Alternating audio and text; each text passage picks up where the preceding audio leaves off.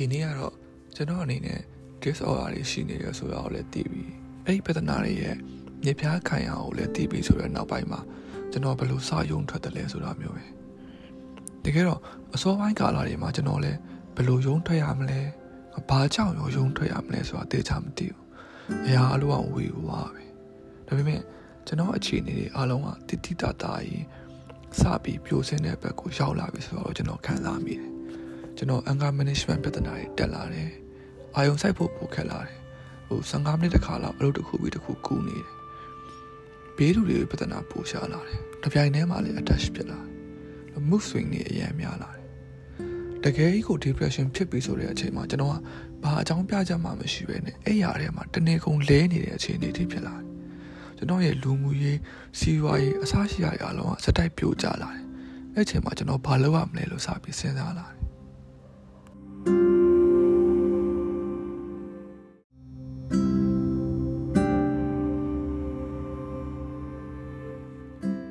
ဒီလိုနဲ့ကျွန်တော်ပထမဦးဆုံး psychiatrist ဖြစ်ဖို့စာဖတ်နေတဲ့ကျွန်တော်အကူဆရာဝန်တယောက်နဲ့စကားပြောပြတယ်အဓိကအားဖြင့်တော့ကျွန်တော်စေကန်းသွားဖို့လိုမလားမလိုဘူးလားဆိုတာမျိုးပဲကျွန်တော်က counseling နဲ့တော့အဆင်မပြေတာသိကြတယ်ဘာလို့လဲဆိုတော့ကျွန်တော်ကိုကိုတိုင်းကပါလူဖြစ်တယ်ဆိုတော့အရန်ကြီးညင်းကံမှုစူးစမ်းနေတော့ဘသူအကြံပေးချက်မှလက်မခံနိုင်ဘူးဘာမှလက်မခံနိုင်ဘူးကျွန်တော်အကြောင်းအရာတွေအားလုံးကိုသိတယ်ဒါပေမဲ့လက်မခံနိုင် ဒီနေရာမှာကျွန်တော်တခုသိလိုက်ရတာကျွန်တော်တို့ကကျွန်တော်တို့ရဲ့ behavior တွေနဲ့ပြဿနာတွေကိုတက်ဆိုင်ရာ terms တွေနဲ့တွဲပြီးသိအရင်အကျိုးရှိရဆိုတာပဲဥပမာခုနတော့ကရှေ့မှာပြောခဲ့တဲ့ကျွန်တော်ပြဿနာဆိုရင်အဲ့ဒါ denial problem ပေါ့ဒါပေမဲ့ခက်တာကလည်းဒီ terms တွေနဲ့ဒီ symptoms တွေကိုကိုယ်ရနေရှာပြီးကိုယ်စိတ်ပြဿနာဘာဘာဆိုပြီး identify လုပ်လို့မရဘူးကျွမ်းကျင်သူတွေနဲ့ပဲသိစားလုပ်မှရတာစိတ်ကိစ္စပိုရှုပ်ထွေးတော့ တရုပ်ခွဲရတာလည်းထင်တာတက်ပိုပြီးခက်တယ်အဲ့ဒီနေရာမှာကျွန်တော်ပုံမှန်လေးလေးပြောရရင်ကျွန်တော်ကစိတ်ကိုစေးနဲ့မကူချင်ဘူးဒါကျွန်တော်မာရုံငယ်တဲ့အရာပဲကျွန်တော်ရဲ့အတိတ်ပဲကျွန်တော်ရှာဖွေတွေးရှိရမယ်အမှန်တရားနဲ့အလင်းအောင်ဟို chemical နဲ့ပြုပြင်ရမယ်ဆိုတာမျိုးသဘောမကျအောင်စက်ရုပ်လိုလည်းခံစားအဲ့ဒီအချိန်မှာအဲ့ဒီအကိုကဘာပြောလဲဆိုတော့တကယ်တော့ငါတို့ကဇီဝကံမစက်ရုပ်တွေပဲမင်းပျော်ဖို့ ပျော်တဲ့အချိန်မှာပျော်တဲ့ဟော်မုန်းလိုတယ်မင်းတင်ကြင်မှုထိမ့်သိမ့်ပြီးမဲ့ဇီဝအထောက်ပံ့လိုတယ်မင်းရဲ့ယူဆချက်တွေအမှန်တရားတွေကိုဒီဇီဝတွေကဘာမှ affect ဖြစ်မှာမဟုတ်ဘူးဒီအမှန်တရားတွေကိုမင်းဟာမင်းပဲရှာဖွေရမှာဖြစ်ပြီးတော့ဒီသွားမဲ့လမ်းမှာဒီဆေးတွေကမင်းကိုအထောက်အကူပြုမဲ့အရာပဲဆိုပြီးကျွန်တော်ပြောခဲ့တယ်အဲ့ဒီစကားကျွန်တော်ပထမအဆုံး medication ယူဖို့ဆုံးဖြတ်လိုက်တာဖြစ်တယ်လို့နောက်ပိုင်းမှာလည်းအတော်မှန်တဲ့စကားဆိုတာမျိုးသိလာတာ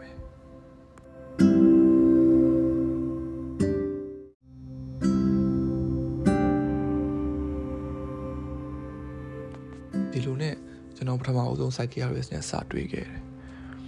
ဒီနေရာမှာကျွန်တော်တို့ကကျွန်တော်တို့ရဲ့ပြဿနာတွေ behavior တွေ history တွေပေါ်မူတည်ပြီးဘာယောဂဖြစ်နေတယ်လဲဆိုတာကိုတရုပ်ခွဲကြတယ်ကျွန်တော်ကငငယ်ကလေးကတခုခုမရဘူးဆိုရင်စမ်းကျင်ဘက်ကိုပြေးတယ်အဲ့ဒီအရာမရလေနင်းနေနေဆိုပြီးကျွန်တော်နေတယ်ဒီလိုအကြောင်းအရာမျိုးနဲ့အသားကျနေတဲ့ကောင်များကျွန်တော်လိုချင်လဲမရမယ့်အရာတွေရှိပြီဆိုပြီးသတ်မှတ်ခံထားရတဲ့ကောင်ဒီတော့ အကျိုးရလဒ်ကတော့ကျွန်တော်က serious bipolar ဖြစ်နေတယ်ဒီနေရာမှာဘယ်လိုခံစားချက်မျိုးယောဂလို့သတ်မှတ်လို့ရတယ်လဲဘယ်လိုဟာကတော့တာမန်ဆင်းရဲယုံ depression လဲဆိုတော့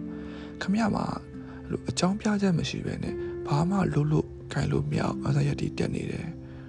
ကြိုးချောင်းစီလျှော်မှုတွေကလည်းဘာမှအသုံးမဝင်တော့အဲ့ဒီခံစားချက်ကြီးကလည်းစိုးမိုးနေတယ်အဲ့ဒါဆိုရင်အဲ့ဒီအချိန်က disorder အစဖြစ်တာပဲ ပုံမှန်အားဖြင့်ကြိုးချောင်းစီလျှော်မှုတစ်ခုခုနဲ့ဖယ်ချလို့ရနေသူယောဂလို့မခေါ်ကျွန်တော်ကံကောင်းတာတစ်ခုကကျွန်တော်ကကိုကိုကိုဘာဖြစ်နေရဆိုတာကောင်းကောင်းမွန်မွန်သိနေပြီရှေးရအကူနဲ့တိုင်ပင်ထားတယ်ကျွန်တော်ဘာဖြစ်နေရဆိုတော့တေချာရှာပြီးဖတ်ထားတယ်ဒီတော့ကျွန်တော်ဆရာဝန်ကိုတေချာနားလည်အောင်ပြောရတယ်ကျွန်တော်စေစာတောက်ခဲ့တယ်စိတ်ဆေးတွေကဘလို့တောက်ရလဲဆိုတော့သူတို့ကပထမဆုံးကိုယ်စိတ်အခြေအနေကိုစမ်းစစ်ပြီးစိတ်ပမာဏတစ်ခုပေးတယ် အဲ့ဒီစိတ်ပမာဏနဲ့ဆိုရင်တည်ငြိမ်တဲ့ stable stage ကိုရောက်ရလားဒါမှမဟုတ်လူပါတက်ပို့ပြီး manager ဖြစ်နေရမျိုးရှိလား depression ပဲဖြစ်နေတော့မယ်လားအဲ့ဒီပေါ်မူတည်ပြီးကျွန်တော်တို့ကအတိုးလျှော်လုပ်သွားတယ်ပြီးတော့အဲ့ဆရာဝန်နဲ့ပဲတက်တာပြီဆိုရင်တပြေးပြေးချင်းအဲ့ဆေးတွေကိုလျှော့ပြီးဖြတ်သွားတာမျိုးဗျာကျွန်တော်ဆေးစတော့လိုက်ပြီးကြရကျွန်တော်ဘဝမှာမရတာကြာပြီဖြစ်တဲ့အသက်ရှင်နေဆိုတဲ့ခံစားချက်တစ်ခုရလိုက်တယ်တီးစိတ်တီအရန်ကတ်လာတယ် ကျွန်တော်အာယုံဆိုင်လို့ပိုကောင်းလာတယ်အလုပ်တွေပြန်လုပ်နိုင်လာတယ်တီးစိတ်ကဘလောက်တောင်ကတ်တယ်လဲဆိုရင်ကျွန်တော်မကောင်းတာတွေပါရှောင်မယ်ဆိုတဲ့အထိဖြစ်လာတယ်ကျွန်တော်ဆေးလိပ်ပီရပါမတော့တော့ဘူးဆိုတာဖြစ်လာတယ်ကျွန်တော်ဒီလိုနဲ့နှစ်လလောက်နေလာဒါပေမဲ့အဲ့လောက်ကြာတဲ့အချိန်မှာကျွန်တော်မှကျွန်တော်စိတ်တိုင်းမကြတဲ့အရာတွေဆွဲကန်နေပြီဆိုတာစသိလိုက်ရတယ်အဲ့ဒါကတော့ကျွန်တော်ရဲ့ anxiety နဲ့ပေါသွားမှုနဲ့အတူကျွန်တော်ဟာမတိမတာနဲ့ ပိုပြီးလွယ်ကူတဲ့လမ်းတွေကိုရွေးရလို့ခံစားရတယ်ကျွန်တော်အလုပ်တွေမှာ risk ယူမှုလျှော့လာတယ် power night ဖြစ်တာလျှော့လာတဲ့အတွက်ကျွန်တော်ကိုယ့်ကိုယ်ကိုယုံလာပြီးအမားတွေဆုံးဖြတ်မိမှာပိုဆိုးလာတယ်ကျွန်တော်ဒါကိုသဘောမကျဘူးကျွန်တော်ကိုကျွန်တော်ရှာဖွေတွေ့ရှိတာမျိုးမဟုတ်ဘဲနဲ့ကိုကိုကိုလက်ခံသွားတာမျိုးမဟုတ်ဘဲနဲ့တခုခုကပြောင်းလဲပေးရလို့ခံစားရတာမျိုးကျွန်တော်သဘောမကျဘူးနောက်ထပ်တစ်ခုကကျွန်တော်တောက်ရတဲ့စီးရီတွေမှာ၄နာရီကြာတစ်ခါ တနေ့ကို၄နာရီ၄က16နာရီတောက်ရတဲ့စီးရှိတယ်ကျွန်တော်အဲ့ဒါကိုသဘောမကျဘူးဒါကြီးတောက်လိုက်မှငါတက်တာတယ်ဆိုပြီးခံစားရတာမျိုးအသက်ရှင်နေဆိုပြီးခံစားရတာမျိုးကျွန်တော်ဒါကိုသဘောမကျဘူးဒီဆွဲလန်းမှုတွေကိုမနစ်မြုပ်ဖြစ်လာတယ်ဒီတော့ကျွန်တော်ကိုယ်တိုင်အမှန်တရားကိုရှာမယ်ဆိုတဲ့စိတ်နဲ့စိတ်ဆေးတွေကိုဆုံးခါဖို့ဆုံးဖြတ်လိုက်တယ်ကိုးလာကနေတနေ့ထိတောက်အောင်မယ်ဆိုတဲ့ဆရာဝန်နဲ့ဆုံးဖြတ်ထားတာကိုသုံးလေးလမှရက်လိုက်တယ်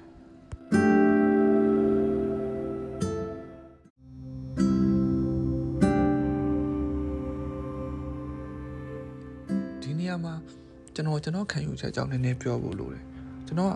ကရုပ်ဝတ္ထုတွေကိုအရန်ပြစ်ပယ်ပြပြီးအမှန်တရားစီကိုတွားရဲဆိုတာမျိုးအရန်မယုံ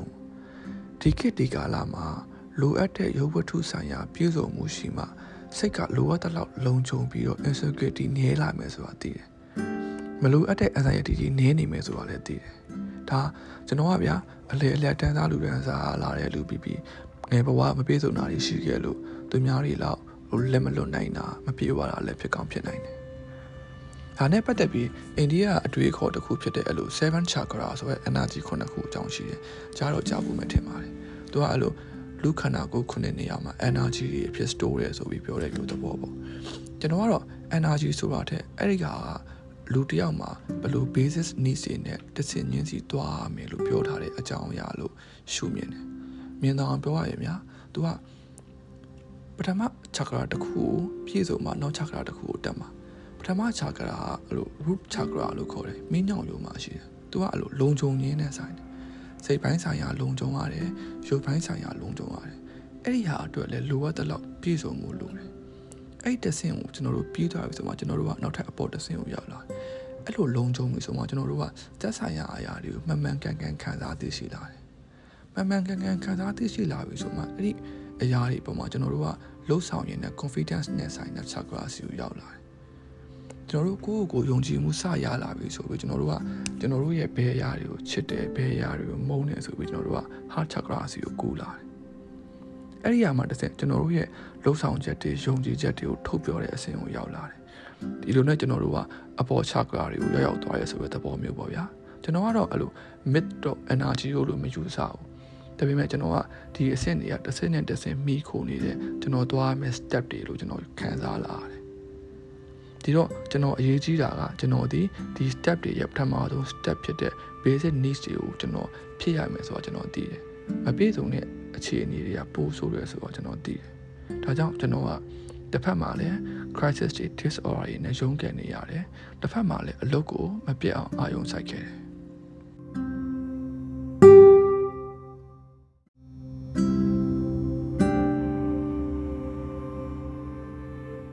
disorder တွေနဲ့ဘလို့နေထိုင်လဲဘလို့လလို့တလဲလို့ပြောရရင်အရေးကြီးတာကိုယောဂအကြောင်းနဲ့ကို behavior တွေကိုသိလို့ပဲဒီနေရာမှာတိုက်ဆိုင်လို့တခုပြောရရင် medication စယူပြီဆိုတာနဲ့ပတ်ဝန်းကျင်နဲ့မိဘမိသားစုအကူအညီတောင်းရတယ်သူတို့နားလည်အောင်ပြောရတယ်ပတ်ဝန်းကျင်နဲ့မိသားစုက co station နဲ့အခြေအနေကိုမသိပဲဖိအားအမားတွေပေးရင်ပိုဆိုးရတယ်ဒါနဲ့ရှိရစကားကိုပြန်ဆက်ရရင်ကျွန်တော်ဆိုရင် ကျွန်တော်က10ရက် manager ဖြစ်ပြီး3ရက်လောက် depression ဖြစ်တယ်ဒါကျွန်တော်ရဲ့ bipolar ဆောက်ကြပဲနိုးနိုးချင်းအိပ်ရတဲ့မထနိုင်မင်းနဲ့ရင်မကြီးလေးနေပြီဆိုရင်ဒါ depression ဆောက်ကြစပြီပဲကျွန်တော်အလုပ်တွေကိုကျွန်တော်အဲ့ရက်တွေမှာအရန်ဖိအားမပိဖဖိအားမပေးမိအောင်ကြိုးစားရတယ်ဘေးလူတွေကိုအရန်ဖိအားမပေးမိဘူးကြိုးစားရတယ်အလိုမကျအရန်မဖြစ်နေအရန်ဖြစ်နေပြီဆိုတာတိထားပြီးကြိုးစားရတယ်လွယ်လားလို့မေးရင်လုံးဝမလွယ်ဘူးဒါပေမဲ့ ကျွန်တော်ကိုယ့်အခြေအနေကိုတီးတော့နည်းနည်းလေးပိုထိနိုင်တယ်ဘေးလူတွေကိုထိခိုက်မှုနေတယ်အေးမန်နီယာစားခဲ့ဆိုရင်အလုပ်တွေအကုန်ကြုံလုပ်ပြီးပဲဒါပေမဲ့ဒီလိုအပြုတ်မှုကကျွန်တော်ဘိုင်ပိုလာကိုပိုဆိုးစေတဲ့အပြုတ်မှုဆိုတာကျွန်တော်မသိခဲ့ဘူးအဲ့ဒီတိုင်းနေတော့ကြာကြာခံတာလားဆိုတော့မခံပါဘူးကျွန်တော်ကျွန်တော်ကဘာလို့10ရက်မန်နီယာဖြစ်ပြီး3ရက် depression ဖြစ်ရလဲဆိုတော့ကျွန်တော်က stable ဖြစ်ပြီးကြာကြာကြီးကောင်းလာပြီဆိုရင်ကိုကိုကိုမားမှအရန်ကြောက်လာတယ် မဆိုင်တဲ့တန်တရားတွေအများကြီးဆွဲထည့်လိုက်တယ်အဲ့လိုမွေးမြူထားတဲ့ paranoia တွေကနေပြီးမှကျွန်တော် obvious အရင်ဖြစ်တဲ့အဆင့်ထိရောက်လာပြီလူတွေကြားမှာလုံးဝမနေနိုင်တော့ကျွန်တော်ရဲ့အလုပ်သဘောအရာလဲအဲ့လို client တွေမိတ်ဆွေတွေပတ်ဝန်းကျင်တွေအဲ့လို judge လုပ်တာမျိုးတွေသူများနဲ့ relate လုပ်တဲ့အခါမှာအမားဖြစ်လို့မရတဲ့ကိစ္စတွေအများကြီးရှိတယ်ဒီတော့ဒီကိစ္စတွေလည်းကျွန်တော်ယောဂါကိုပို့ဆိုးစေတယ်တစ်ဖက်မှာလည်းကျွန်တော်မသိလိုက်ရတာတခုက ကျွန်တော်မသိသေးတဲ့ behavior တခုရှိနေပြီဆိုတာပဲအဲ့ဒါ self destruction လို့ခေါ်တဲ့ behavior ပဲကျွန်တော်ရှေ့မှာပြောဦးသလိုပဲကျွန်တော်တို့ကဘာဖြစ်နေလဲဆိုတာကို tabs နဲ့တိုက်ရိုက်တွေ့သိခြင်းအရင်အရေးကြီးတယ်ကျွန်တော် self destruction မှာဆိုပြီးတိလို့လေကျွန်တော်ဘာပြန်လုပ်ရမလဲဆိုပြီးချက်ချင်းသိတာပဲကျွန်တော်ရှေးတောက်ဖို့လိုပြီကျွန်တော်ကအကောင့်ကိုကြာကြာမခံနိုင်ဘူးဒီအမှုအချင်းကိုမခံနိုင်ဘူးဒါပေမဲ့တစ်ဖက်ကလည်းရှေးတောက်ဖို့ပြန်ဆုံးပြရတဲ့အကြောင်းရင်းက ကျွန်တော် bipolar ပိုပြီး serious ဖြစ်လာတယ်ကျွန်တော်ရုပ်ဝတ္ထုအရာပိုပြီးပြည့်စုံလာတယ်ဒါပေမဲ့ကျွန်တော်ကပိုပြီး suffering ဖြစ်လာတယ်အဆိုးဆုံးကတော့အဲ့ depression ဖြစ်တဲ့နေ့တွေမှာလုံးဝထင်းချိုးလို့မရအောင်အဲ့ရတွေကမထားနိုင်တော့တဲ့အခြေအနေအထိဖြစ်လာတာပဲဒါပေမဲ့ကံကောင်းတာကျွန်တော်တိဆောက်ထားတဲ့ရုပ်ပိုင်းဆိုင်ရာလုံခြုံမှုတစ်ခုတွေကလုံခြုံမှုတွေကတိုးတက်နေပြီဆိုတော့ကျွန်တော်အရန်ပြိုမကြတော့ အပြည့်စုံတာတွေနဲလာတဲ့အတွက်ကျွန်တော်ကိုကျွန်တော်တတောင့်တတပိုးရှိလာတယ်ဒီတော့ဒီတစ်ခေါက်ကျွန်တော်ဆရာဝန်စီပြန်သွားတဲ့အချိန်မှာကျွန်တော်ယုံကြည်ချက်ရှိလာတယ်ကျွန်တော်ဘာဖြစ်နေပြီကျွန်တော်ဘာတိုးတက်မှုရှိခဲ့တယ်ကျွန်တော်ကဘာပြဿနာပဲ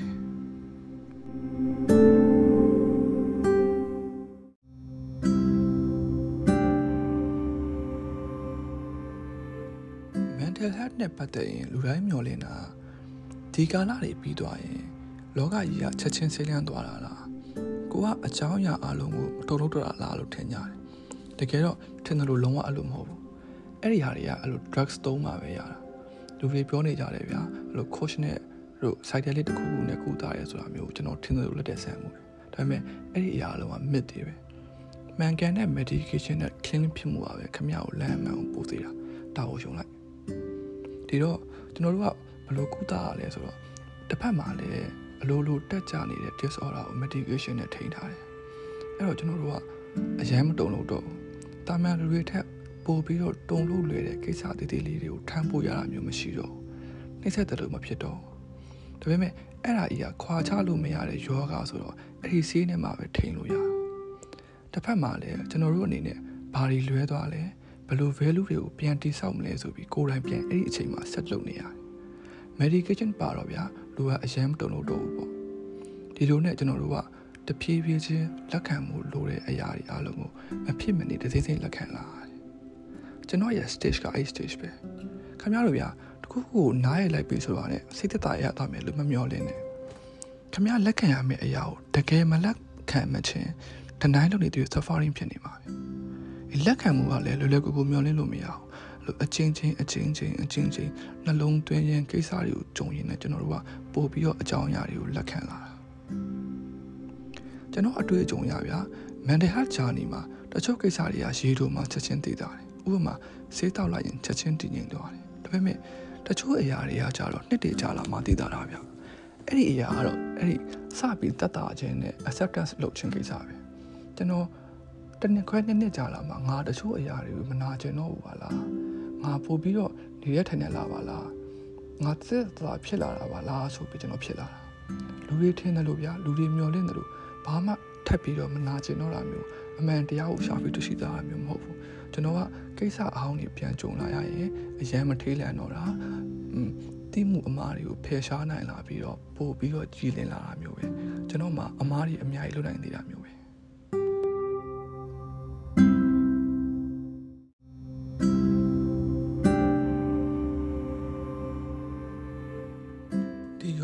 စတက်တာလာတဲ့ကာလကို PTSD ကာလလို့ခေါ်တယ် post traumatic stress disorder ပေါ့သူကရှေ့တုန်းကတော့အရင်ကြီးအဆိုးအဝမရှိတော့ဒါပေမဲ့တိုက်ဆိုင်ရင်တော့အဲ့လို PR ဖြစ်နေတော့မယ်ဥပမာဆေးအတွင်းကစိတ်တန်ရအဲ့လိုစစ်ပြီးတဲ့အချိန်မှာလေရင်မြန်တန်ကြားရတဲ့အထိကြောက်နေလို့မျိုးပေါ့အဲကျွန်တော်ဒီကာလအစားဆုံးอ่ะကျွန်တော်အတွက်3နှစ်နဲ့4နှစ်နေပါကြာခဲ့တယ် အခုရောအရှင်းသက်တာပြောက်ကင်းပြီလားဆိုတော့ကျွန်တော်မှာဆိုးရတဲ့ suffering တွေရှိနေတော့မယ်အဲ့ဒီရက်တွေရှိနေတော့မယ်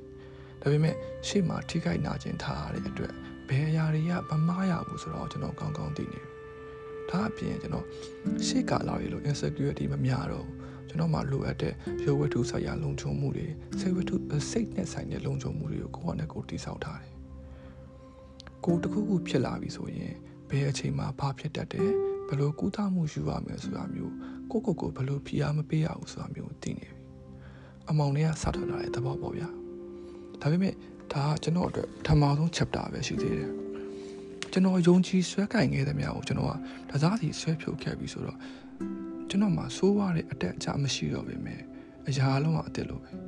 လိုမှတ်ညံနေတောင်မှဗျာကျွန်တော်ရဲ့ရှေ့ပိုင်းကာလာတွေအရာလုံးကဝေဝါးသွားတဲ့အထိအောင်ပဲ ဒါပေမဲ့ကျွန်တော်ကတီးမှုအမားတွေလို့ယူဆတဲ့အရာတွေကိုတန်းနိုင်သမျှဖယ်ထုတ်ခဲ့ပြီးကျွန်တော် life life experience တခုကိုကောင်းကောင်းဖြတ်သန်းနိုင်ခဲ့ပြီဒီတစ်ခေါက်ကျွန်တော်လူအတိုင်းအဝန်ကိုပြန်သွားရမယ်သူတို့နဲ့နေတဲ့အောင်ကြိုးစားရမယ်သူတို့ရဲ့အမြင်တွေ value တွေလက်ရှိကာလရဲ့ perspective တွေတန်မိုးတွေကြားမှာကျွန်တော်ကဘာကိုယုံကြည်ဆွဲခိုင်းမလဲဘယ်နားမှာရက်ရမလဲဆိုတဲ့ရွေးချယ်ရမယ့်အချိန်ကိုပြန်ရောက်လာပြီကျွန်တော်မာယုံကောင်းမာယုံလာမျိုးတွေရှိနေဦးမှာပဲဒါပေမဲ့ ကျွန်တော်ဘလို့ပြိုပြက်မှုကိုပြန်တိဆောက်ရမယ်ဆိုတာကောင်းကောင်းသိနေပြီပါနိုဝါစီဗီစီဇန်1ကိုတော့ဒီနားမှာပဲရနာခဲ့ပါတယ်